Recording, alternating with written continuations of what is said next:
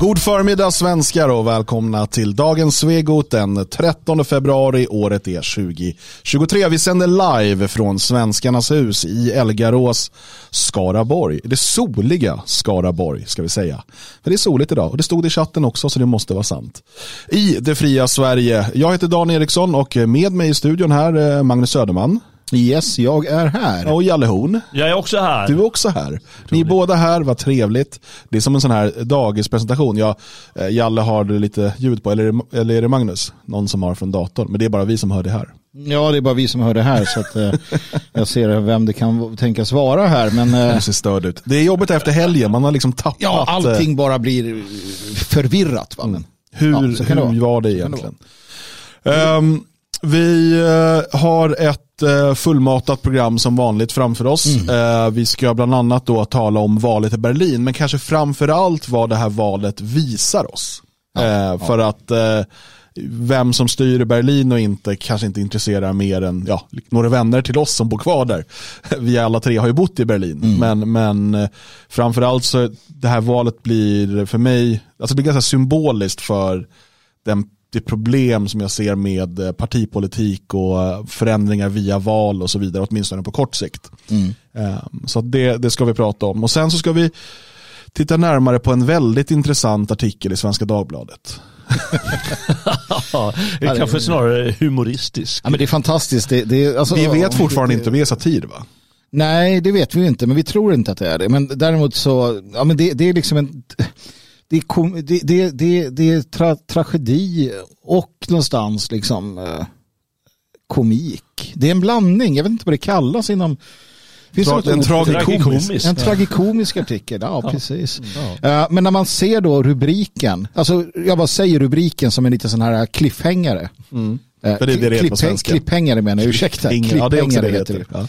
Många säger, oj, jag trodde vi var så goda. Då, då inser man ju att här finns någonting. Och det här ska vi, det här ska vi, det här ska vi eh, hoppa djupare ner i den tunnan. Men det, blir, det är som sagt en klipphängare. Ja. Ehm, men eh, vi ska börja lite i moll f- för att avsluta med skratt. Vi tänker att det är bättre att göra så än tvärtom. Men det brukar vara det. Ja. Börja med tragedin. Ja, precis. Ehm, för att idag den 13 februari är ju då dagen för, årsdagen för inledningen utav terrorbombningarna utav Dresden 1945. Nu i helgen som var så hölls minnesmanifestationer i Dresden utav tyska nationalister. Och som vanligt också så kallade motdemonstrationer med obscena plakat om att de vill ha fler terrorbomber av Tyskland, avskaffa Tyskland, gör det igen och så vidare. Eh, Så som vänstern låter i Tyskland. Ehm, men eh, de hölls då alltså i helgen, men idag är då liksom första dagen, ja, årsdagen då de här terrorbombningarna. Och eh, vi återkommer till det här varje år för att vi måste göra det. För att är det någonting jag har förstått så är det att svenskar i allmänhet och även nationella svenskar har ganska dålig koll på, eh, på historien. Eh, och sen kan man tycka att det är irrelevant vad som hände för eh, 78 år sedan i ett annat land, i ett krig för länge, länge sedan. Men samtidigt så är historien om den svartvita historieskrivningen om andra världskriget använd som politiskt slagträ hela tiden. Eh, och därför är det viktigt att påminna oss om att det finns ganska stora delar av historien om andra världskriget som aldrig berättas för oss eller förljugs. Ehm, Det, det skedde massor av hemskheter från, från alla möjliga sidor i det här kriget. Och terrorbombningen av Dresden är för mig, även om det är långt ifrån den enda sån här terrorbombningen, eh, så var, är den, den är också, som vi pratar symbolik, den är symbolisk. För att vi pratar kulturstaden Dresden, en av de absolut vackraste städerna i Europa. Med fantastisk arkitektur, fantastiska konstskatter. Eh, och en stad som hade inga strategiska militära mål utav värde. Det var en stad för flyktingar under den här tiden, eh, inhemska flyktingar då som, som hade flytt undan kriget, fronten och andra bombningar eh, för att gömma sig där. I stort, alltså en stor överrepresentation av kvinnor och barn eftersom att männen var ute och stred i kriget. Eh, Och det här var man mycket väl medveten om när man inleder de här fasansfulla bombningarna. Eh, Och eh, dödssiffran har såklart diskuterats som alltid. Det här är nämligen en dödssiffra man får diskutera. Mm. Eh, men eh, de tyska rapporterna efteråt eh, talade om minst 250 000 kroppar som hade kunnat hittas. Ehm, det är ett oerhört massmord utan, utan strategiska skäl om man skulle tro på den strategi man talar om, alltså där man då slår mot militära mål. Det strategiska skälet var ju såklart att förinta den tyska kulturen för alltid, att sänka eh, krigsmoralen hos de som var kvar vid fronten. Alltså om, om, om dina, din kvinna och dina barn har bränts levande i, i Dresdens lågor, vad, ska du, vad kämpar du för? Du kanske lika gärna ge upp.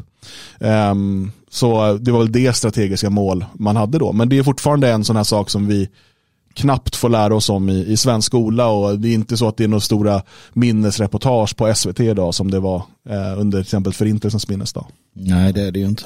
Uh, nej, men, och det visar en cynism. Det är ju, eh, Dresden är en av städerna. Det är ju flera städer som utsätts för bombfly, det brittiska eller allierade bombflygets terrorbombningar.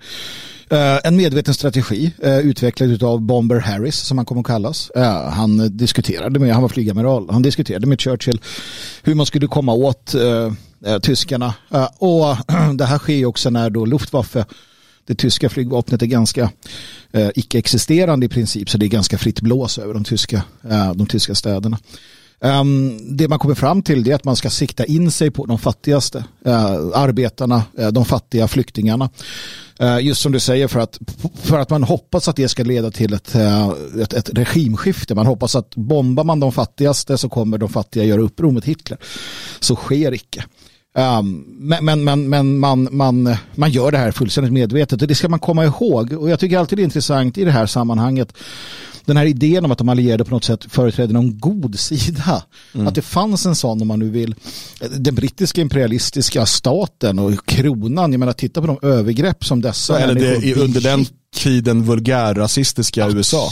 Alltså på ett annat sätt än Tyskland. Jag menar, kolla på tysk propaganda om USA under den här tiden. Hur man liksom man påpekar den här grava rasismen mot svarta, Ku Klux Klan ja, ja, ja. Eh, och så här som inte fanns i Tyskland. Alltså det här, och att, som att amerikanerna de gav sig in i krig för att krossa rasismen. Nej, mm, nej, säkert. Nej, det fanns ju inte på kartan. Det fanns inga finansiella intressen där bakom. Sen, sen, sen jag är beredd att släppa Dresden um, om, eh, och alla andra övergrepp om alla andra är beredda att göra det så kan vi minnas hur jävligt det är med krig. Eh, brödrakrig ska inte ske. Eh, vi kan minnas offer av människor. Vi kan minnas soldaters hjältemod från alla sidor. Det är så det brukar sluta. Mm. Man tänker på spartanerna, man tänker på grekerna, man tänker på atenarna. Så kommer man ihåg att atenarna och spartanerna slog ihjäl varandra. Men för oss är de så här... Grekerna. Grekerna. och jag är beredd att släppa det här också. Men inte så länge det finns den här den här idén om att de allierade är goda som släpper två atombomber ja. över civilister i Japan. Mm. Det är inte att vara god. Det, det, får man inte säga. Det är samma sak, du kan inte säga att du är god om du släpper eh, brandbomber över civilister i... Eh, det är, inte, det är liksom inte... Nej, då fortsätter vi att minnas detta. Nej, eh, det, det, är bra och det är bra att påpeka det hela tiden och bra att fortsätta manifestera just för om vi tittar på hur det här beskrivs mer och mer nu för tiden att det pågår en relativisering av vad som hände. Mm. Alltså antalet döda har ju minskat år för år för år för år. Nu pratar man om så här ja, 10-12 tusen döda. Kanske man pratar om att eh, ja men de bomberna släpptes på fel ställe flera gånger eh, och det pratar om överdrifter givetvis från tysk eh, propagandaapparat och det ena och det andra. Hur man vill förminska mm. Eh, sin ondska mm. bara för att framställa sig själv som, eller för att framställa kriget som svartvitt. Men alla ser ju vad det handlar om. De här motdemonstranterna de är ju för svartvithet. De är för utrotning. De är för all jävelskap man kan tänka sig. Och de är det samtidigt som de som, som kommer med de här minnesdemonstrationerna eller vad vi ska kalla det för. De säger inga fler brödrakrig. Tvärtom vill de här motdemonstranterna, de vill ha mm. mer brödrakrig, mm. de vill ha mer utrotning, de vill ha mer förstörelse, de vill bomba sönder kultur. Och det får vi inte heller glömma att en viktig del är som ni sa, att bomba sönder tysk kultur, det är en del av en modern rörelse mm. det här som faktiskt vill förstöra det lokala för att bygga det nya fullt modernt. Så alla så här smarta städer, allt sånt, ja det har en bakgrund i det som skedde till exempel med Dresden. Mm. Jag tycker verkligen alla borde åka till Dresden för det är en oerhört oerhört vacker stad. Givetvis nu då där de har lyckats bygga upp den här Frauenkirche och eh, Eh, vad heter det nu? Operan är- ja. Tsinga, eller vad, vad heter det? Tvinga eller något sånt där heter. Eh, gamla fästningen, opera och allt vad de har. Alltså jättevacker stad och ligger där vid Elbe. Så åk dit, det är väl värt eh, en eh, semesterresa. måste Det är det absolut. Och, och då vet man ju att det är ändå bara stadskärnan som man har lyckats bygga upp. Sen så kommer det utanför eh, Dresden Neustadt och sådär eh, så är det ju sovjetisk arkitektur eh, liksom, och, och den typen av eh, tråkighet. Men innerstaden, alltså den ga- gamla stan som man har återuppbyggt väldigt bra, eh, är ju, det är en upplevelse att, att ta del av. Och man kan ju bara föreställa sig eh, hur, det, hur det såg ut. Det finns ju målningar och en del fotografier från innan kriget som är, det visar ju på en fantastisk stad. Och det, det som inte syns då, det är ju arkitekturen vi pratar om här, men det var ju också ett, ett eh, Dresden var ju en plats för konst, alltså där eh, konstutställningar och museum och så vidare, så, som totalförstördes under den här tiden och sånt går ju inte att återskapa. Nej. Eh, jag vill också eh, bara säga det innan jag glömmer det. Förhoppningsvis kommer jag ihåg när vi pratade upp de här, den här SvD-artikeln. Att den här, det här sättet att, att relativisera och säga att men vi får inte vara onda på något sätt. Det återkommer i den här artikeln som vi sa. Oj, jag trodde vi var så goda. Att det handlar om att liksom dra ifrån sig allt dåligt man har gjort för att kunna göra historia svartvitt. Det finns en intressant aspekt som togs upp i chatten där, att, att segraren är den som skriver historien. Och när vi tittar på det med historiska glasögon så kan vi konstatera att varje krig till sist har vunnits av de goda. Ja. Alltså om du tittar på historien, ja, men de, de, den där Caesar han föll till sist, han var en diktator. Folket till sist, ja där också, där, och till sist, för vi är ju i den liberala demokratin anno 2023. Det betyder att vi vann. ja. Alltså, Men- Det betyder att vi, alltså, eh, de liberala demokraterna, kan ju titta på hela historien så att alla, alla segrar har ledat, lett fram till det här. Så i slutändan så vann de goda i varje, Varje. krig som någonsin har utkämpats. Det är ju fantastiskt ändå. Otroligt intressant. Men, men vi måste ha klart för oss, eh, det har jag tänkt väldigt mycket på när det gäller historieskrivning, eh, eller historiska händelser, att det är faktiskt de, först de senaste 100-120 åren som det här har varit relevant. Det fanns ingen jävel som tänkte på 1600-talet, åh, vi var de goda och de var de onda. Utan man kämpade och så hade man liksom en, en rättvis, rättvisa fredsfördrag där, okej, titta jag har erövrat hela ditt land men jag kan liksom inte utplåna dig. Äh, du får ha kvar det där och där och där, där. Oftast var det så. Att det är liksom en helt ny föreställning och det är därför vi är så helt hjärntvättade med den här bisarra idén. Och någon måste vara god och någon måste vara ond. Läs Nietzsche säger jag bara. Ja, verkligen. Bortom gott Ja. och ont. Där är vi, Radio Svegot. Vi står över det alltså. Ja, vi står Vi över omnipotenta. Ja, ja, alltså det, det, ont och gott, eh, det är ingenting som... Nej, det håller vi inte på med.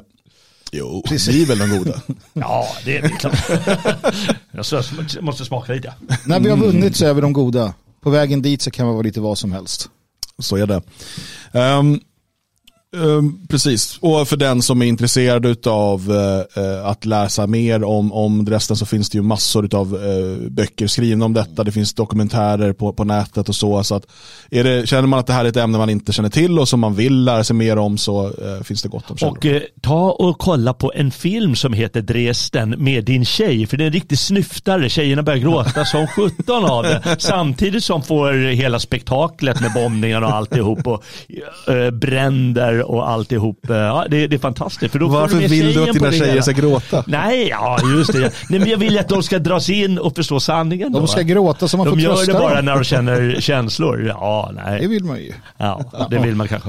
Ja, Vi stannar i Tyskland. det gör vi. Men vi rör oss eh, lite, lite norrut till Berlin. Eh, och där hölls det val igår. Eh, och, alltså till, till delstatsparlamentet. Eh, Landtag. Och det, det är ju intressant. Vi alla tre har ju bott i Berlin. Eh, det är ju en stad som är väldigt Stor. stor. Den är väldigt delad fortfarande. Luktar illa ibland. Det gör den också. Eh, men eh, det är ju en segregerad stad på många sätt. Eh, alltså områdena skiljer sig väldigt mycket åt. Du har, du har områden, hipsterområden, eh, du har eh, väldigt, väldigt invandrartäta områden, helt turkiskt dominerade i vissa delar. Eh, du har områden där nationella generellt sett har varit starka, du har där konservativa varit starka. Du kan fortfarande se när man kollar på hur folk röstar, vi gjorde ju det här innan, mm. eh, liksom öst och väst, att det liksom fortfarande är tydligt hur folk röstar. Eh, I öst, eh, forna Östberlin så röstar man gärna på det gamla kommunistpartiet, alltså de som hade DDR, så att säga, Die Linke. Eh, medan man i forna väst då röstar mer på CDU och sådär. Kollar man innerstan, de hippa kvarteren, så röstar nästan alla på Miljöpartiet. Eh, nästan ingen utanför innerstan gör det. När du börjar prata om Berlin här nu så börjar jag sakna Berlin jättemycket. Nu, jag har inte varit där på länge och jag trodde inte jag skulle göra det för att jag tänkte att jävla storstad, jag var så trött på den. Men nu så tänker jag på när man gick där på gatorna och sommaren och de här... Äh, det är en härlig sommarstad. Ja, ölen och, och schnitzlarna och, och konstiga, konstiga... Över, utserveringar överallt och ja, mm. konstiga människor att titta på. Men de här stora porrbutikerna. Det, som, nej, men, ja. det måste man ju säga med Berlin. Det som är bra med att det bor så mycket konstiga människor där, ja. det är att du behöver, bara, du behöver inte ha sällskap. Du kan bara sätta dig på en uteservering och titta på folk. Ja, ja. Det, är, det är underhållning. Folk som mm. går förbi bara, vad är det här för något? Och allt är okej. Okay, liksom. jag, jag, såg, jag, jag, innan vi började prata om tråkiga valen, jag såg alltså, det första som hände när jag kom dit, det var att jag såg en kille med hockeyfrilla eh, och, och jeansväst. Ja. Och han bara gick där och folk tyckte det var helt okej. Okay. ja. Det var liksom high five hela jävla Brandenburger yep. tårvägen. han var coolast i stan. Ja, han var coolast i stan. Var, man bara, vad fan är det här? Det var så bra, jag kände, här passar jag in. Verkligen, underbart. Och det finns väl fortfarande lite så, den här hippa håller på att ta över mer och mer. Ja, äcklas ju, jag kommer ihåg det, de startade en bar i, i mina kids. Och det Vilket betyder kvarter på tyska. Ja, och det är jättebra när du öppnar en bar till.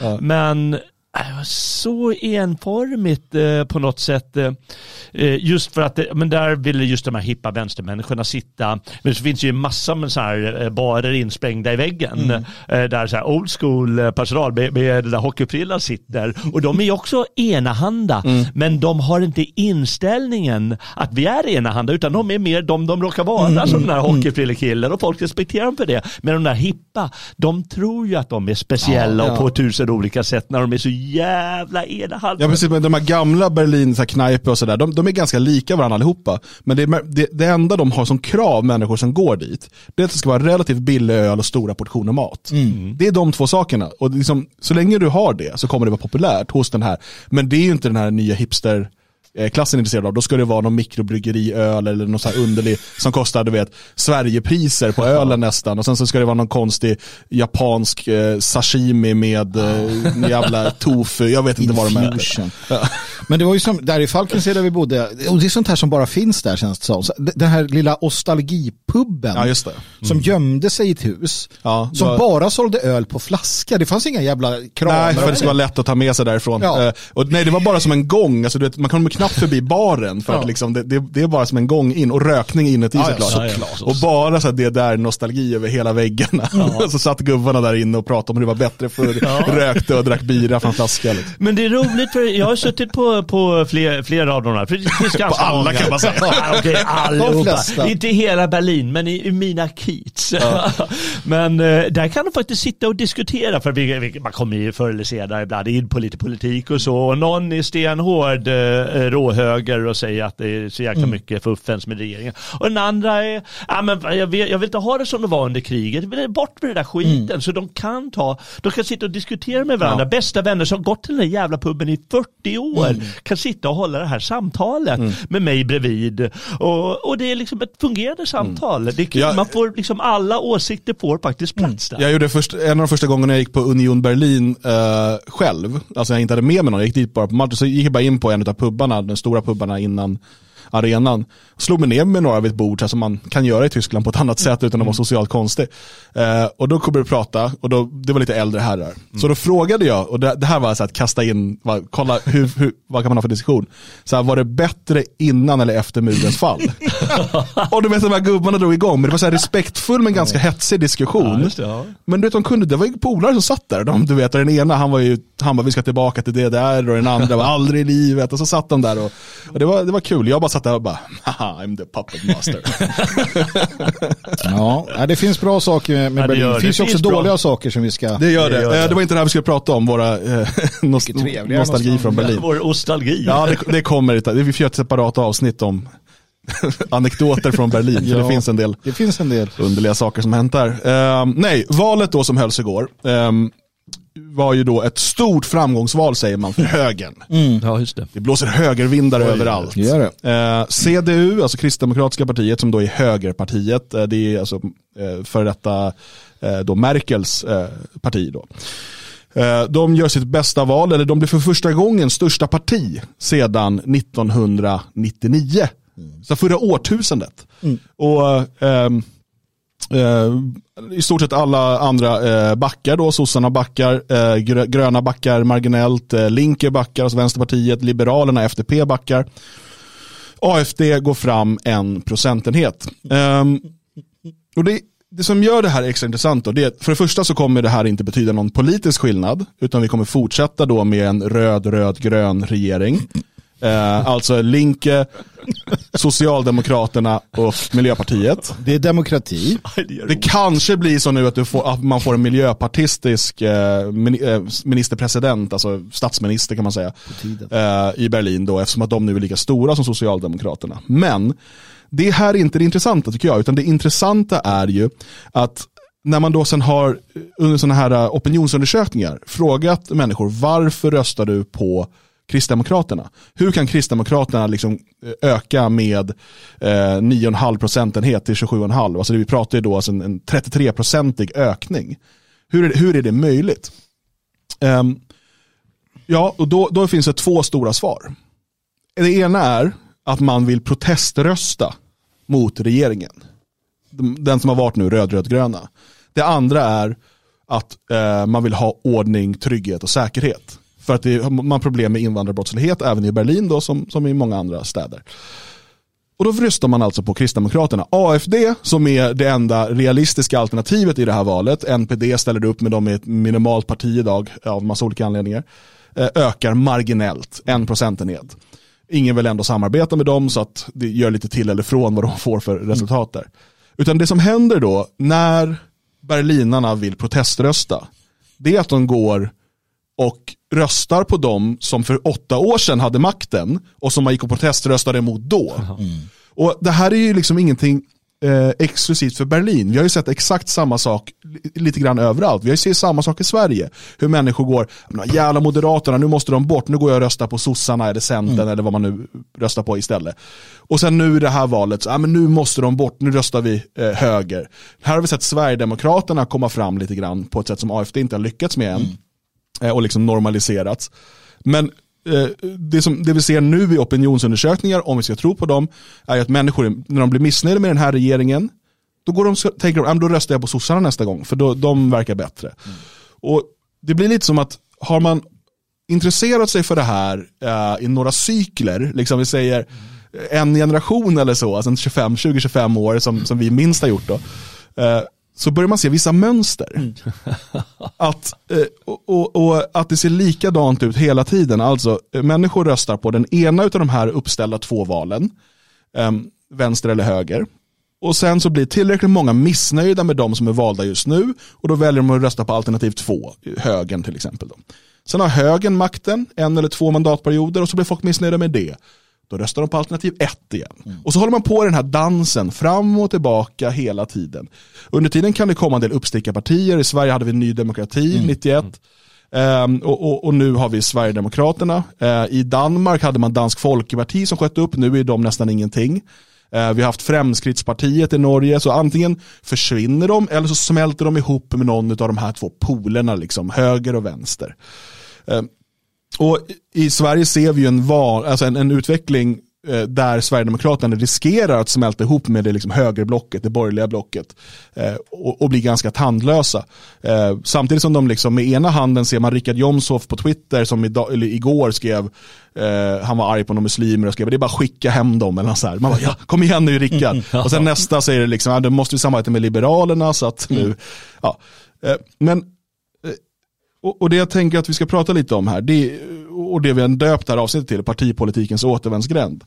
Eh, det är ju frustrationen över att man så ofta stöter på folk som tror att man ska kunna komma utifrån med ett tredje alternativ och bryta den här, eh, den här cykeln, den här höger, vänster, det här jonglerandet fram och tillbaka. Och vi alla har sett många sådana försök i många olika länder och det slutar alltid på samma sätt. Och jag menar, är det inte då en återvändsgränd vi ser här? Eller ska man bara leva på hoppet varje val att den här gången kommer någon lyckas bryta cykeln? När, när uppenbarligen är det så att väljarna generellt sett, den stora delen, den som liksom blir avgörande i demokratiska val, för det är ju så det fungerar, de kommer bollas mellan de här två alternativen, vänster och höger. Sen kan partierna, liksom, det kan vara ett parti på högersidan som växer lite mer och sådär. Men de här två alternativen, de här två trygga alternativen som presenteras i media som de liksom pålitliga, det här är de riktiga alternativen du har. Eh, och, och, och, när man då blir riktigt trött, som jag vet att berlinarna är det, det har varit stora liksom, diskussioner och, i media och sådär, om hur Eh, den röd-röd-gröna regeringen helt har tappat kontrollen över Berlin och knivmorden skjuter i höjden och sådär. De har ju knivmord istället för skjutmord som vi har i, mm. i Sverige då. Uh, och man har liksom inte koll på någonting. ah, men då går vi och röstar på CDU. Men kommer ni inte ihåg, det var åtta år sedan de satt tillsammans med sossarna och hade makten här. Det var Kristdemokraterna som hade Merkel som sa vi schaffen das och öppnade gränserna. Men då väljer man CDU för nu ska man proteströsta och nu vill man ha ordning och trygghet och säkerhet. Och det är precis i Sverige, folk går och röstar på Moderaterna trots att det bara är åtta år sedan Reinfeldt stod och skrek öppnade dörrar och Ulf Kristersson var hans högra hand. Mm. Så, men nu kommer de, nu den här gången blir det bra. Och hur många gånger eh, vi som har på med liksom, eh, flygbladsutdelningar på stan och så pratar med människor, hur ofta har man inte hört det att men politikerna kommer, om det här går för långt, då kommer de ju stoppa det. De vet ju vad de gör det är den inställningen människor har. Att de kommer ju aldrig låta det bli riktigt illa för de, de vill ju oss väl. Mm. Ja, nu ska jag sluta ränta. Ja, men eh, man, man kan ju se den här tendensen inom politiken som gör, som du säger, att den är en återvändsgränd på många sätt att den är besvärlig. Och det gäller kanske all politik genom alla tider. Att eh, det är en egen klubb. Och för att du ska få vara med i den klubben så måste du anpassas du måste assimileras som, eh, som är populärt ord. Eh, eller får du inte vara med. Eh, eller, för, för den ska fortsätta på samma sätt som den fungerat tidigare. I, I det här fallet, det som är riktigt skrämmande det är ju förstås att eh, CDU, de blir ju mer och mer eh, vänstern, precis som våra moderater mm. blivit mer och mer sossar. Det är ju en helt uppenbar tendens i moderna eh, demokratin som vi kallar det för. Så, så det är liksom, man kan inte ändra politiken när det är de spelreglerna som, som gäller och så har det nog alltid varit. Eh, en annan skrämmande grej är ju förstås att propagandan fungerar. Det får man ju aldrig glömma. Varför, varför tänker folk sådär som du säger om att nu ska jag proteströsta mm. på CDU? Jo, därför att propagandan handlar, den handlar ju om att svartmåla de möjliga alternativen till en förändring av politiken. Därför att politiken ska inte ändras. Mm. Den ska gå i samma fot fotspår. Och eh, ja, den vägen har vi att gå. Eh, och då får man väl göra som den här, de gröna som vi kommer att höra om, eh, omställarna. Strunt i politiken och ge dig ut på landsbygden och lev ditt liv i väntan på att det ändras kanske någon dag där inne i stan. Jo men det, det är ju sant eftersom att eh, Demokratiet nötskal skriver Fresh Sushi, eh, sushi och eh, det är ju sant i sig, men det är också diktatur i ett nötskal. Och eh, det är eh, eh kung, monarki i ett nötskal. Och det är furstedömen i ett nötskal. Och det är kejsardömen i ett nötskal. För tittar vi historiskt sett, ehm, ta Rom, eh, val i senaten, man har en diktator eller inte en diktator. Och man håller på och man får populasen att stötta den ena med den andra med den tredje. Man har furstedömena i Europa som sen faller. Du har demokratin som, som etableras genom blod och död i franska revolutionen och amerikanska inbördeskriget och man, eller amerikanska frihetskriget om man ger sig på kronan som en del av det. Sen införs demokratierna. Det det handlar om är att du, du fastnar i cykler och nu är vi i en demokrat, liberaldemokratisk cykel där det här pågår. Det har varit likadant i de andra cyklerna också. Och det som händer är att mellan cyklerna för att ändra dem, för att få bort det ena så är det blodiga revolutioner som sker det, det, kan vi inte komma ifrån. Liksom när, när, när, Rom, eh, när Rom blir överkört av, av goterna så inleds en ny ordning. När, när muslimerna eller vad det kan vara invaderar där så blir det en ny ordning. När, när demokratin då via revolutioner etablerar sig och, och slår undan benen liksom till grovhugget så, så etableras en ny ordning. Så att det som väntar är en, en revolution Uh, någon gång på något sätt någonstans där den gamla demokratin kommer slitas bort och trampas ner och människor kommer liksom ja, bli, bli liksom avpoliterade ja. på olika sätt. Men visst har franska revolutionen, men sen har du ju alla de här krigen under 1800-talets eh, andra hälft framförallt som är liksom Um, alltså för etablerandet av den demokrati vi ser idag. Mm. Mm. Alltså allt det, och det, det så det, det, är en lång process från liksom 1700-talets andra hälft och sen fram till början av 1900-talet om vi ser där liksom allmän rösträtt och sånt börjar bli sånt som verkligen är, liksom, det talas om. Mm. Eh, och, och, i Sverige har vi väl haft en typ av liberal demokrati i hundra år nu. Ungefär. Eh, om man säger all, att allmän rösträtt är, är någon grund för det. Ja. Eh, så att vi, vi är ganska långt in i den cykeln jämfört med till exempel Östeuropa. En annan sak är man, man stirrar sig ofta blind, eller folk blir ju blinda när de tror att vi lever i en demokrati. Du mm. säger det kan lika gärna vara en diktatur och, och mm. jag menar det finns en upp, en helt klar tendens under 1900-talets gång att vi rör oss mot någon form av teknokratiskt välde. Mm. Mm. Där eh, man, dels in, eh, skapar man tekniska verktyg för att eh, få saker att fungera på ett särskilt sätt och då måste människor bara inordna samordna sig. Mm. Det är det andra och det, det, är det ena och det andra är förstås att vi har de här konglomeraten inom till exempel EU eller vad du nu vill ha för maktcentrum som tvingar makten att utgå därifrån. Mm. Och eh, det där med demokrati, det är bara ett spel och har varit det ganska ja, länge faktiskt. Alltså vi har ju fortfarande som, som jag återkommer till och han är inte unik i det men, men det var ju den här lilla bögen som hade en någon lång föreläsning, Alexander Bard ja, mm. Den här lilla bögen. Ja, det är väl vad han är. ja, men där jo men det fanns några stycken att välja på. Ja men just det här med, med någon form av moderna stadsstater ja. i form av företag, företag som etablerar sig och blir som egna Ja men det är liksom, eh, ja men Google är ju det i USA, de har stora företagsbyar och så vidare. Det finns många företag. Ja men många, många av de här stora företagen har ju idag en, en uh, omsättning, vissa till och med ett eget kapital som är större än många länders BNP. Ja. Så att det är klart, de är ju maktspelare på ett sätt som, om man skulle tänka tillbaka till en annan tid och jämföra att, om man ska tänka de här företagen som en, en rivaliserande ett eller kunga, mm. Mm. Eh, liksom följare av en kung eller så, så är de väldigt makt alltså de har ju en väldigt stor makt oh ja, eh, och, oh ja. och möjlighet till väldigt stor makt. Eh, och att bara för att de idag kallas för företag och vi har något som kallas för demokrati, att de därför skulle vara något ah, väsensskilt från det, det, det är ju inte sant. Alltså med, med resurser, den typen av resurser, den typen av pengar kommer ju makt. Absolut. Och, och, och det där kommer nog bli ännu tydligare framöver. Ja, men titta på hur, hur uh, demokratin då behandlar till exempel om det var, var det Amazon eller Facebook, så här, men här får ni serverhallar. Jaha. Ni får all vår el.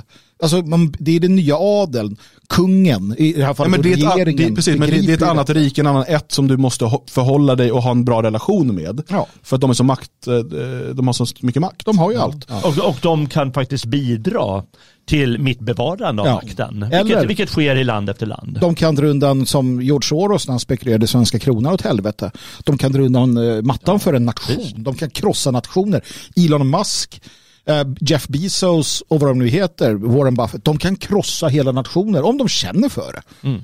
Mm. Uh, det, är ju, det är ju liksom diktatur, eller det är inte ens diktatur, jag vet inte vad det är. Det är, något, liksom, det är väl vanliga hot som alltid har ja. funnits. Det är bara det att vi inbillar oss att nej men så kan inte hoten fungera. Det finns inte hot. Vi försöker, det finns ju en, en tendens inom eh, den här demokratin som vi kallar det för. Att ja men det här är det som alla egentligen står för. Men så fungerar inte historiska krafter. Nej. Det är bara trams. Det kunde lika gärna ha gått under för, för 50 år sedan och vi lever ju i en skendemokrati. Det är bara att inse. Mm. Det skulle Äh, det forskarna vågar inte säga det, men eh, de har ju sagt det tidigare, liksom, att det där är inte riktig demokrati. Kommunisterna sa ju det, ja, men det där är ju inte riktig demokrati. Vi står för riktig demokrati. En, en intressant sak, det blir också det som, eh, för det här är något vi måste förstå. Och, och vi ser då kanske Twitter eller vi ser storföretagen, vi ser Meta och så som en en del av ett system där... Då ska, vi, förlåt, då ska vi inte ens börja prata om de här stora Blackrock, eh, Blackrock investmentbolagen som äger andelar i alla de här stora. Ja men precis. Mm. Men vi ser ju dem som, som att, att de är integrerade. Din, så du har liksom politiker, EU, du har de här företagen. Det är ju inte sant. För det du har, titta på EU-kommissionen. När EU-kommissionens eh, någon talesperson sa att ja, om inte Twitter gör som vi säger, då stänger vi ner dem. De, ju, de är ju i krig med varandra. Alltså EU-kommissionen är ju en entitet som vill ha makt. Mm. Och de ser att den makten hotas. Ja men Blackrock eller vad de heter, det är ju hot mot mm. EU-kommissionen. Och det är därför, ibland hittar man ju sätt att samarbeta för mm. att hålla freden och för man kan dra nytta av varandra. Och eh, börjar det skava i de här relationerna så blir det ju ett typ av krig mellan de här. Absolut. Um, sen ser det kriget annorlunda ut än vad vi tänker oss till exempel första världskriget mellan olika oh stater och sådär. Men, mm. men uh, nej, så är det absolut. Um, men jag menar, vi ser de här, de här cyklerna hela tiden eh, och vi har ju ofta försökt förklara för människor, antingen som är unga som kommer in i liksom den, vår politiska sfär eller kanske unga i sitt engagemang Eh, alltså de inte varit engagerade så länge, att det är så här det ser ut. Mm. Eh, vi har själv, och, och, vi försöker dela med oss av de misstag vi själva har gjort, de felaktiga analyser vi själva har gjort när vi var yngre eller unga i ett engagemang. Eh, och eh, för att människor ska kunna ta del av de erfarenheterna så de inte behöver återupprepa de misstagen. För när vi bryter oss loss från den cykeln utav att göra de här misstagen mm. så kanske vi också på sikt kan påverka den här valcykeln. Mm. Eh, och en sån sak och varför vi pratar då om partipolitikens återvändsgränd är ju den här naiva inställningen om att man ska kunna starta ett parti och komma in och, och få makt och på så sätt förändra, um, förändra det här. Mm. Det finns flera anledningar till varför det här är naivt. Det kanske absolut största är att om du på något mirakulöst sätt skulle kunna få den typen av eh, röster som krävs, att vi pratar 51 procent, eh, jag vet inte hur det skulle gå till, men vi säger att det på mirakulöst sätt sker. Eh, innan du har hunnit komma dit så är du förbjuden. Mm. Det har vi sett i land efter land efter land. Demokratin måste försvara sig själv säger man. Mm. Eh, och man har, lägger redan idag, i, i, de flesta länder finns redan lagar för att möjliggöra det här. I Sverige läggs de lagarna just nu med organisationsförbud. Om du hotar, om du har en organisation, det här med terrorlagstiftning som hotar demokratin eller statsskicket eller, och så vidare. Och i grundlagen ligger mångkultur, medlem i EU och massa sådana saker idag. Om du hotar det så kan du förbjudas som terrororganisation. Och det kan låta som här farfetched nu, eh, eftersom att det inte finns något sånt hot. Det finns inget sånt parti som är så pass starkt. Men om ett parti som, skulle behöva, som, som säger att de ska genomföra det som behövs genomföras skulle växa sig starkt så skulle de förbjudas. Mm. Så, så, enkelt är det. Vi har sett det i land efter land efter land och samma sak skulle ske i Sverige. Um, och, men, men då gäller det att ens komma dit, att bli så stark. Och då måste man bryta den här cykeln av mm. människor hoppar, alltså en tillräckligt stor del hoppar mellan höger och vänster i tron att de då får en förändring för att protestera mot det de nyss röstade på. Eh, och för att när du väl har brutit den och kan växa dig så pass stark att du blir förbjuden, då kan det ha en metapolitisk effekt som gör att du kan bygga det här upproret vi pratar om. Mm. Men då måste du först bryta den här cykeln. Och hur bryter man den här cykeln? Ja, det gör du inte genom att starta ett parti som inte kan, som inte kan utmana om makten än. Mm. Utan och det är det här vi tjatar om hela tiden, att bygga från grunden, att bygga rätt. Vad är det som egentligen har cementerat sossarnas makt i Sverige? Jo, det var eh, byggandet av en, en livskraftig, slagkraftig rörelse i slutet av 1800-talet början av 1900-talet, den så kallade arbetarrörelsen. Kom ihåg det. Alltså, eh, sossarna, det är inte så att fackförbundet är en del av det socialdemokratiska partiet det socialdemokratiska partiet är en del av fackförbundet i, slut, i slutändan, mm. alltså av arbetarrörelsen, av organiseringen av arbetare. Det, är deras, det var deras politiska gren, eh, via massa splittringar och sådär, men, men det är liksom där så det ser ut. Så det, det är snarare så pyramiden ser ut, alltså att rörelsen, eh, som till en början då tog form av att arbetare eh, organiserade sig i fackförbund, det är den som är överst på pyramiden och sen har du partiet. Sen har du Eh, de eh, kooperativa, eh, alltså Coop, Konsum, matbutiker, du har, du har fastighetsbolag, du har bank, du har alla de här sakerna som man byggde i rörelsen. Alltså man byggde sitt parallella samhälle i rörelsen. Och man var engagerad och man var lojal mot den här rörelsen. Man gick inte, alltså till och med när jag växte upp, de sossar jag kände och så vidare, de gick inte och handlade på ICA. Fan heller. Sossar handlar på Konsum. Man handlar i vår butik.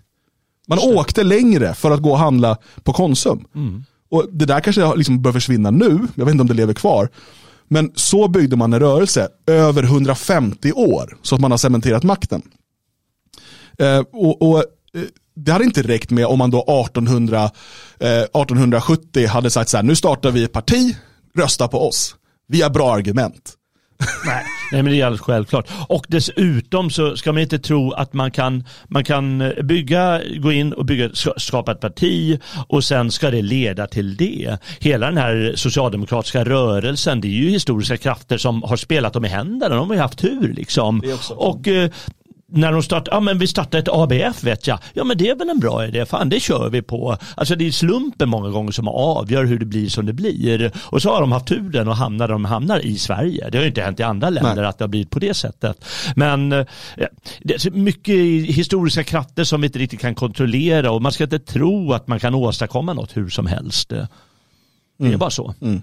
Men, ja, men jag tror att, för, för det intressanta blir ju då um, hur, hur det här, för att vi, vi pratar då det ungdomliga och det här uh, den här liksom anden, den här kraften att man vill förändra och så. Att den då, uh, det handlar om att du, du, hamnar i partier eller du hamnar i den här typen utav, du, du tror på det absolut. Och jag vet inte riktigt här, för att jag tänker lite så här. Jag har en, liksom en, en vision som byggdes upp här medan du, medan du pratade då. Och jag tänkte så att det, det, vi kan göra nu i alla fall, uh, det är att vi kan se till så att den här eh, skaran av, av män och kvinnor som är lite äldre, eh, som har gått igenom det här, vi har tillsammans många år i rörelsen, vi kan, vi kan vi har kommit till vägs ände och sagt att det här måste vi göra. Vi ska skapa ett land, vi ska bygga en nation, vi ska, vi ska göra något annat. Våra barn, tänker jag så här, jag tänker min son att han, han växer upp i det här naturligtvis. Sen så när han blir lite äldre, som i amish, då har du den här perioden då du springer ut i samhället och bara mm. testar att leva i den moderna världen.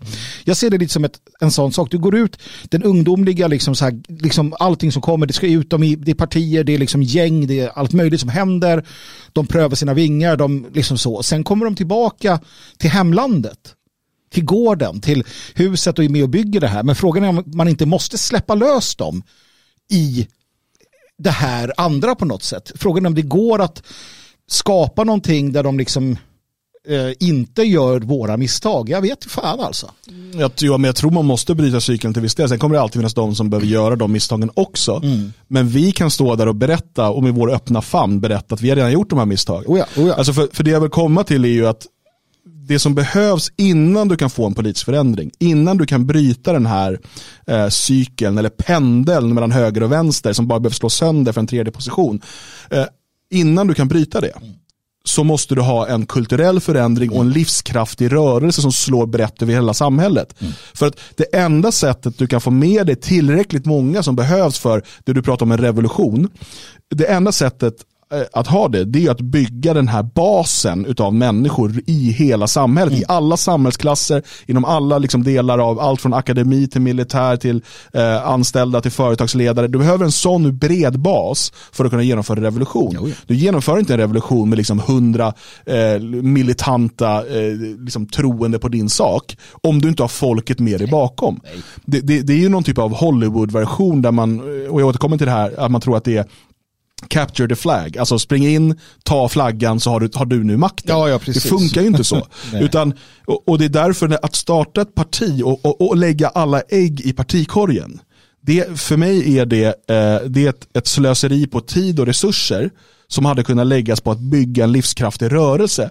Du kan absolut ha ett parti som en del av en rörelse. Jag tycker absolut eh, man bör kunna, liksom, att nationalister eller vad man nu vill kalla det för, eh, bör finnas på valsedeln så att man har det alternativet att välja och man ska använda den plattformen som ett av många verktyg. Men om man inte samtidigt bygger också en rörelse eh, som, som är bred i botten då kommer eh, det här partiet bara förbli ett promille eller kanske några procentparti eh, helt utan egentligt politiskt inflytande. Mm. Så frågan som, som de svenskar som vill ha en förändring att ställa sig, det är hur organiserar vi en bred bas av svenskarna? Mm. Vad, hur, vilka steg behöver vi ta för att vara attraktiva och intressanta för tillräckligt många svenskar för att på sikt kunna få en politisk förändring? Eh, och det är inte, det här, de människorna organiserar du inte eller intresserar du inte med slagkraftiga argument, fina grafer eh, eller häftiga symboler. Alla de där sakerna är fint att ha också. Men det är inte det som kommer få eh, liksom en, en, stor del av eh, människorna att följa din sak och vara beredda på att, att slå sönder den här pendeln mellan höger och vänster. Nej, men frågan blir ju, nej men, det, det, är, det, här är, det är spännande, allt det här är spännande. För frågan blir, problemet ligger delvis i att vi, vi befinner oss i en uh, vi befinner oss i en, en, uh, en värld med, med den här tekniken och den här tillgängligheten. När jag, när jag liksom eh, fann nationalismen. Min tanke var aldrig att jag ska starta ett eget parti, jag ska starta en egen, egen organisation, egen tidning. Min tanke var att nej, jag måste ju hoppa på det här tåget som går. Jag måste ju bli en del av de här, man fick utskick per post och så vidare. Det fanns människor där. Man så, idag, så fort en människa får en idé så startar han ett eget en egen blogg, ett eget parti, en egen organisation, en egen ju, grupp, en egen vad som helst. Det blir ju en typ av rörelse men den blir ju aldrig speciellt stor och slagkraftig. Nej, den, den blir väldigt diversifierad. Mm. Men det är ju 20-talet så det är inte så konstigt heller att det är på det här sättet just nu. Um, utan, utan det som händer är ju att det är någon för att det finns ju både fördelar och nackdelar med detta naturligtvis. I grund och botten och i slutänden så måste det vara en kraft som, som är, blir stark nog som, för att utmana den andra världsskådningen. Mm. Så är det bara, det, det är historiskt faktum. Men frågan är vart vi befinner oss. Vi, I den cykeln befinner vi oss, ja men det är 20-talet. Det, det, är lite sådär. Och vi, vi ska fortsätta att säga åt människor såklart att här har vi lagt en grund Eh, men jag ser också det att när folk pratar om detta, okej, okay, ja, vi behöver liksom göra någonting, vi behöver komma bort från eh, civilisationen och det som händer. Låt oss, eh, vi måste skapa något. Och säger man, hallå, vi har börjat skapa något. Ja, ja, men ni gör ert där. Mm. Men jag ska göra mitt här med mina. Och så, man kan inte göra det så att vi blir fler. Nej, då går det inte för att jag ska göra mitt. Um, och det här är någonting som, vi ska starta en ny tidning, vi ska starta en ny sida, vi ska starta en ny, en ny, en ny när jag som sagt började då var det så att ja, men jag måste gå in i det här och kämpa här. Jag måste börja på botten och jobba mig upp inom den här strukturen. Det är så Sverigedemokraterna till sist blev vad de blev. Eh, så, så att det, ja, men det är spännande. Um, spännande som tusan helt enkelt. Men där, där har du också den här, äh, jag tror att det, det nya är ju spännande. Den nya serien som du kan binge-titta, sen en ny serie, sen en ny serie. Att så här, ja, men jag ska vara i den här strukturen resten av mitt liv för att sen mina barn ska vara i exakt samma struktur och jobba generationsmässigt. Det finns ju inte en människa som klarar av att ens förstå det tänkandet som arbetarrörelsen. De tänkte generationer den gamla svenska bonden, det, det, är inte, den moderna nationalisten har inte förmågan att tänka på det sättet. Lika lite som andra har det.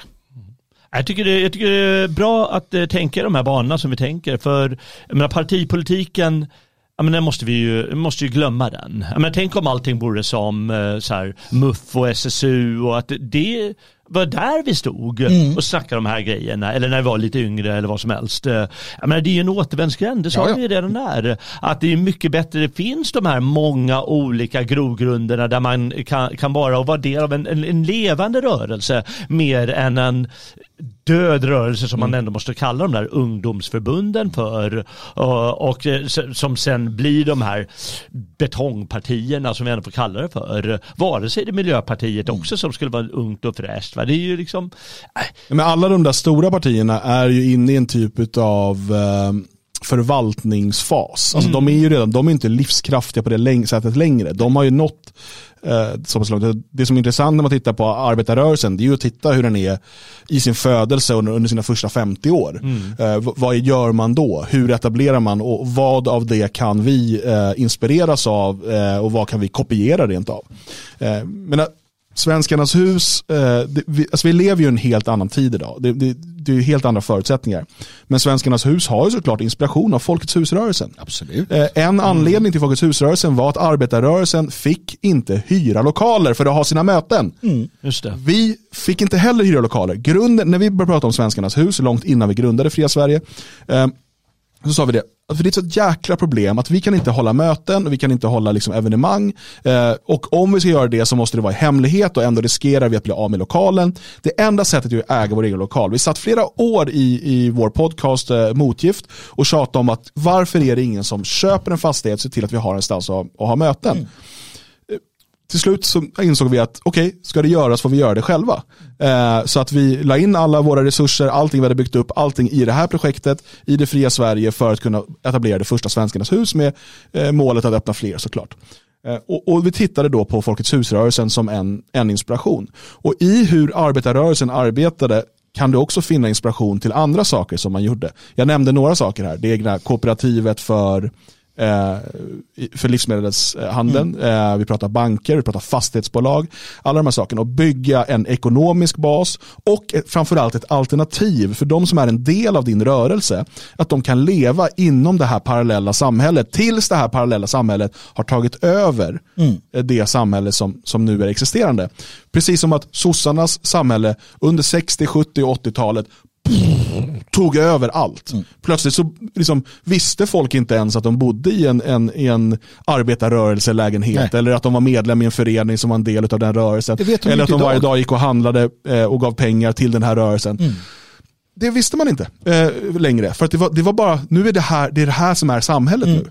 Och då eh, och, och, och, och det måste man ju då se på hur man gjorde. Vi kan inte göra exakt likadant. Vi har andra förutsättningar. Vi har en demografisk situation som är helt annorlunda då. Och vi har en helt annan eh, bas av människor som, är, som skulle kunna vara intresserade av vår rörelse. Vi är inte framförallt en, en materialistisk, alltså ett ma- materialistiskt intresse som, som en arbetarklassrörelse. Utan vi, vi eh, är ju en eh, dels en etnisk rörelse men också en metafysisk rörelse eh, och eh, vi är en existentiell rörelse. Alltså vi, vi, vi, kämpar för vår, för vår framtida existens och därför måste vi bygga lite annorlunda. Men man ska inte tro att när arbetarrörelsen växer fram i slutet av 1800-talet att den mötte på mindre motstånd än vad vi gör idag. Nej, de hade det på många sätt svårare än vad vi har just nu i alla fall. så kommer så det är ett jävla gnäll om att det är så svårt att vara engagerad och vara offentlig och så här.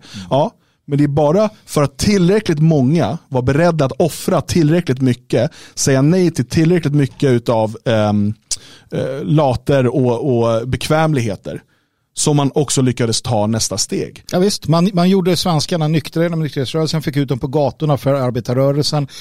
Man tog kulorna i Ådalen, man tog yrkesförbuden, man byggde tidningar, man byggde eh, husen. Men alltså, hur många gånger förbjöds inte Aftonbladet? Ett åtskilligt antal. De Ja men bytte hela tiden. hela tiden. Ja, och hela tiden. Man, man gick igenom det här hela tiden, man fortsatte och man byggde och man offrade sig. Jo. Eh, och, och det är den här kämparandan som behövs idag. Men den måste vara smart. Inte genom att offra dig idag genom att vara ute och slåss med poliser i någon typ av kravaller. Alltså det är, inte, det är ju bara att slösa bort din tid. För, för du vinner ingenting på det. Du, det enda som är värt att offra sig för är ju någonting som för din sak framåt. Det för inte din sak framåt att du liksom är ute och skriker på stan, får stryk, hamnar i en cell i några år. Och, och, och sen, okej, ja, och vad, vad gjorde det? Alltså, den, nation, den moderna nationella rörelsen gjorde det där i 30 år och tog inte ett jävla kliv framåt. Står och stampar nästan längre bak än vad man gjorde på 1990. Alltså problemet är att vi äger ingenting. Om man tittar på dem, vi äger inget, vi har ingenting, vad säger man, nothing to show for. Mm. Vi, har inga, vi har inga ägo, alltså vi, vi har inget, den rörelsen har inget annat att efterlämna än, än ganska roliga Det är många härliga och anekdoter. anekdoter och, och, och musik som jag gillar. Men i, alltså där, det finns inget, som, det finns inget att, att, att lämna efter, det finns, ingen, det finns inget att förvalta, det finns inte, ja men som du säger, då, arbetarrörelsen förvaltar hundratals eh, svenskarnas, nej, eh, vad heter de, Folkets hus. Ja. Och de förvaltar ditten och datten och allt möjligt. Eh, så att de, hade, de, har ju, de har ju lyckats på ett Ja, men ge, och genom att eh, vara nära varandra, starta företag tillsammans och bygga den här makten tillsammans kan man också erbjuda anställningstillfällen Oh ja. eh, inom rörelsen. Alltså, det, det är som självklara saker egentligen, men vi behöver återigen peka på det här. Och vi, vi utgår här från valet i Berlin, men vi kunde tagit vilket val som helst. Ja, och så går du bara tillbaka och tittar, tittar historiskt. Jag vill bara visa en graf till från de här opinionsundersökningarna Mm. från Tyskland. Eh, den vänstra grafen, eh, för er som då tittar på videoversionen, eh, och då är, då är frågan alltså, vem löser eh, bäst Berlins problem? och då finns det två eh, linjer, SPD, den röda, och CDU, då Kristdemokraterna, den svarta. Och det vi kan se då är att eh, 1999 så tyckte de allra flesta att det var CDU. Ja. Och då hade ju de, men de förlorade så här, makten i valet 2001. Eller de gick sen ihop med sossarna och sådär, men de, de följer det kraftigt. Och un, ända sedan 2001 har, de flest, har ännu fler då tyckt att sossarna har de bästa lösningarna på problemen. Eh, inte Kristdemokraterna. Eh, nu har sossarna haft en, en liksom katastrofal mandatperiod. Eh, en halv mandatperiod, det här är ett extraval som man har varit tvungen att införa. Eh, och nu tror de flesta att CDU har de bästa lösningarna. Och man ser, är den här, du ser en tydlig pendel i den här grafen. Sossarna går upp, Kristdemokraterna Ja. går ner och nu möts de igen. Ja. Och risken är att vi nu får se kanske ungefär lika lång tid med, med den svarta stapeln Mm. över den röda och så, pågår, så kommer pendeln tillbaka. Och det är det där som måste brytas. Båda de där linjerna ska ju peka rakt neråt. Precis, de ska bort. De ska suddas ut i grunden. Ut. Men det är samma i USA. Det är två, peri två perioder republikanskt, två perioder demokratiskt. Med lite så här ändringar. Det är Biden, han kommer inte sitta. Trump åkte efter första. Det händer ibland. Samma i Sverige. Du har eh, x antal eh, år med eh, rött eller med blått. Och sen så håller det på så där. Um, och, och, det är ju sen då eh, sossarnas hegemoni bröts där vid, när var det, 90 någon gång eller? Man hade ju en kort period, 76 förlorade man Sex, valet va? Ja. 76 till 82 ja. Mm. Då bröts det var två val där. Som 91, 94. Ja, mm. Eh, men annars, det var ju fort, alltså det, det var en parentes i Ja, ja det var en parentes, ja. absolut. Nej, så att det, det, det som Svealoger skriver, det är en långtråkig cykel du befinner oss i. Mm. Eh, och då ska vi inte göra den längre eller tråkigare genom att dansa efter denna pipa, utan som Dan eh, liksom, säger så, så, handlar det ju om att, att bryta den och det kan vi bara göra själva genom handens kraft och, och intellektets arbete med vad gör vi då? då? Ja, men det är som om du, vad du än vill göra, om du, för du kan inte bara liksom gå in in i partipolitiken och tro att du förändras så, utan du måste först bygga grunden. Du kan inte bli professionell fotbollsspelare utan att träna 15 år innan. Mm. Alltså, allting kräver, om du inte gör förarbetet så kommer du inte få vara med på spelplanen. Nej. Eh, vad den är. Och det är samma sak här.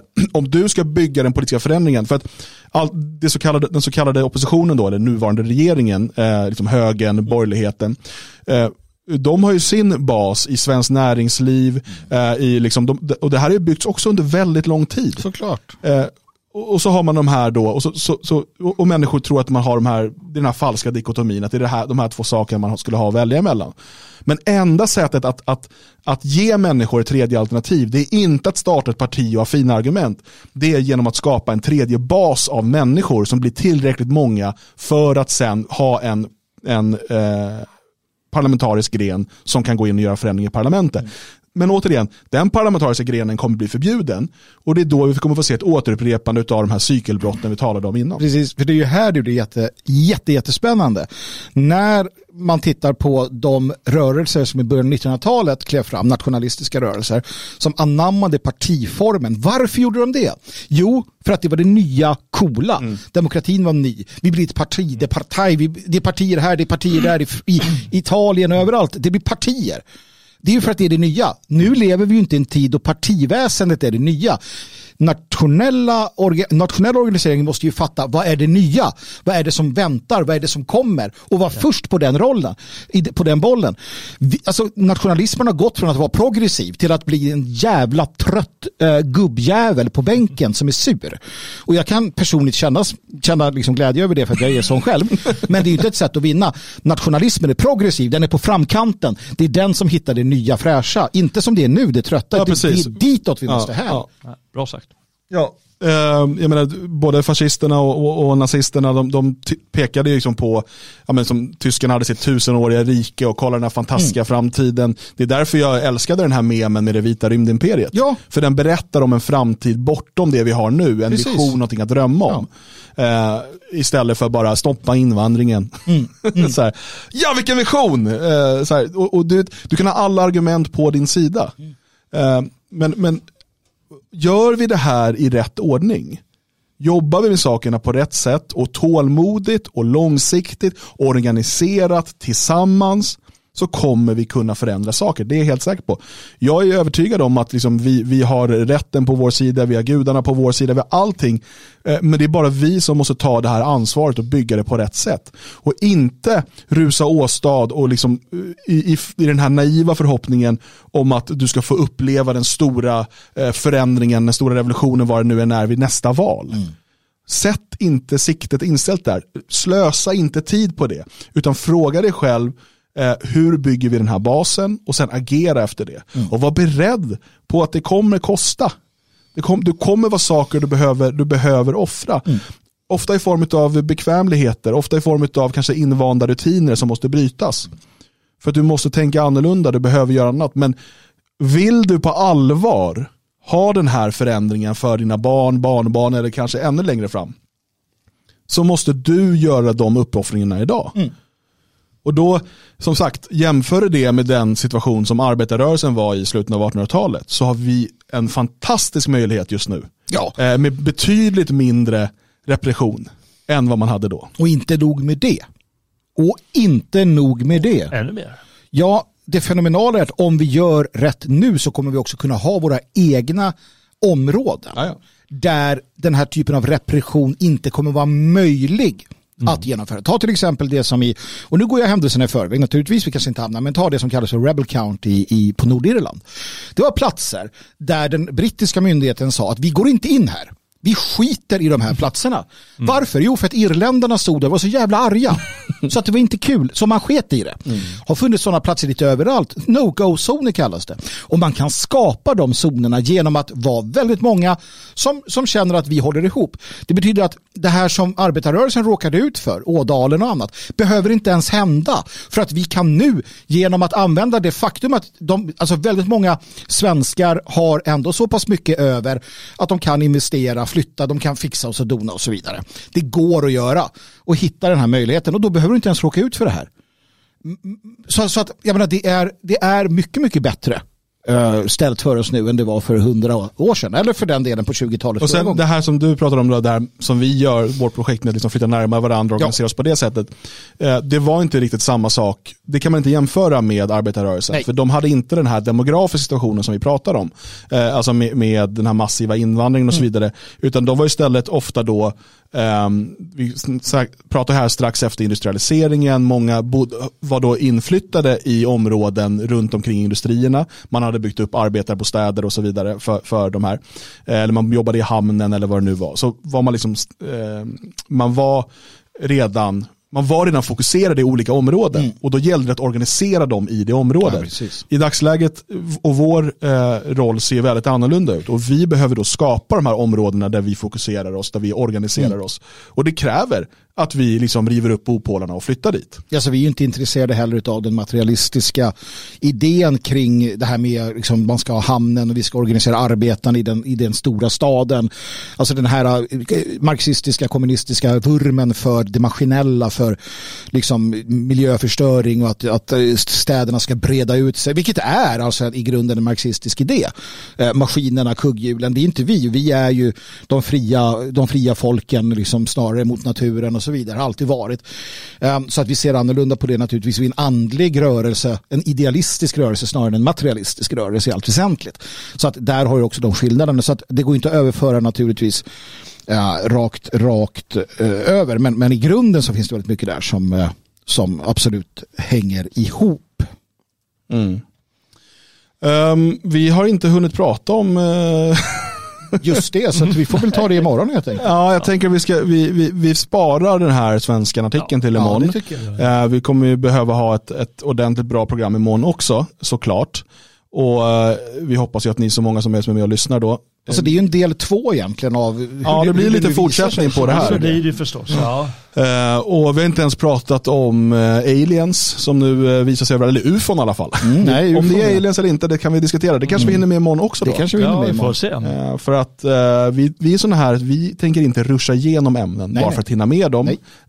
utan här vill vi kunna gå lite djupare och stanna kvar vid saker vi tycker är intressant. Och vi tyckte det här var intressant. jag hoppas att ni som har lyssnat och tittat också tyckte det.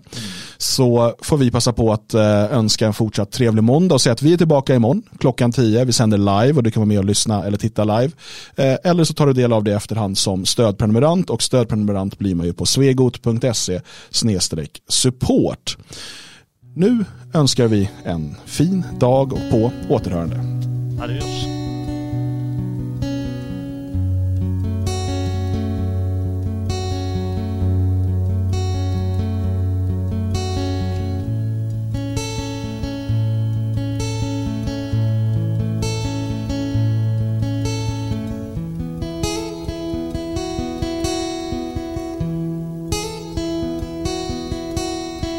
Bomber über Dresden.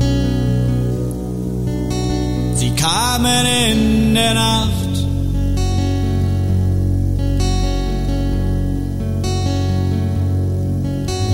Bomber über Dresden. Den Tod im Bombenschacht.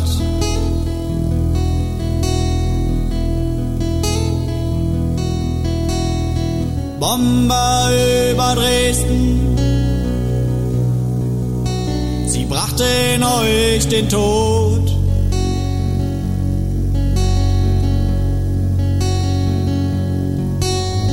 Bomber über Dresden. Sie brachten euch Elend und Not.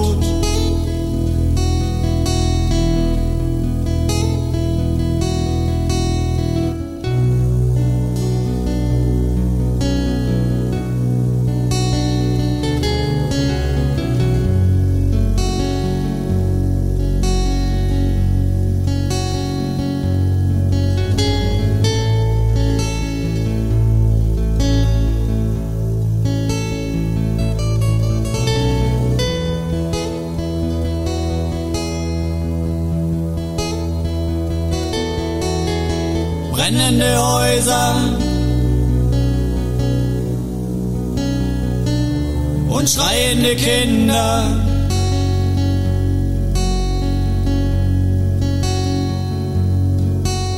Doch Bomber über Dresden und sie kamen immer wieder.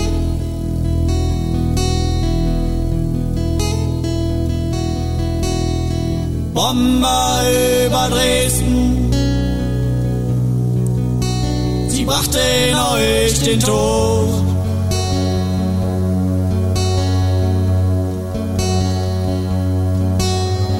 Bomber über Dresden. Sie brachten euch Elend und Not.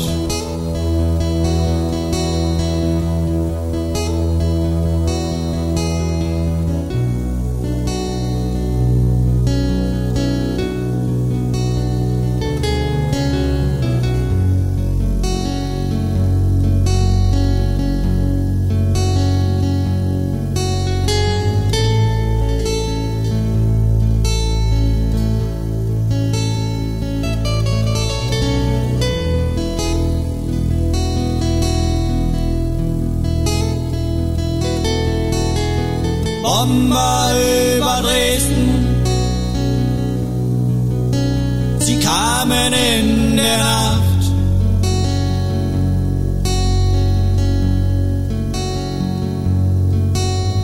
Bomber über Dresden. Den Tod im Bombenschacht.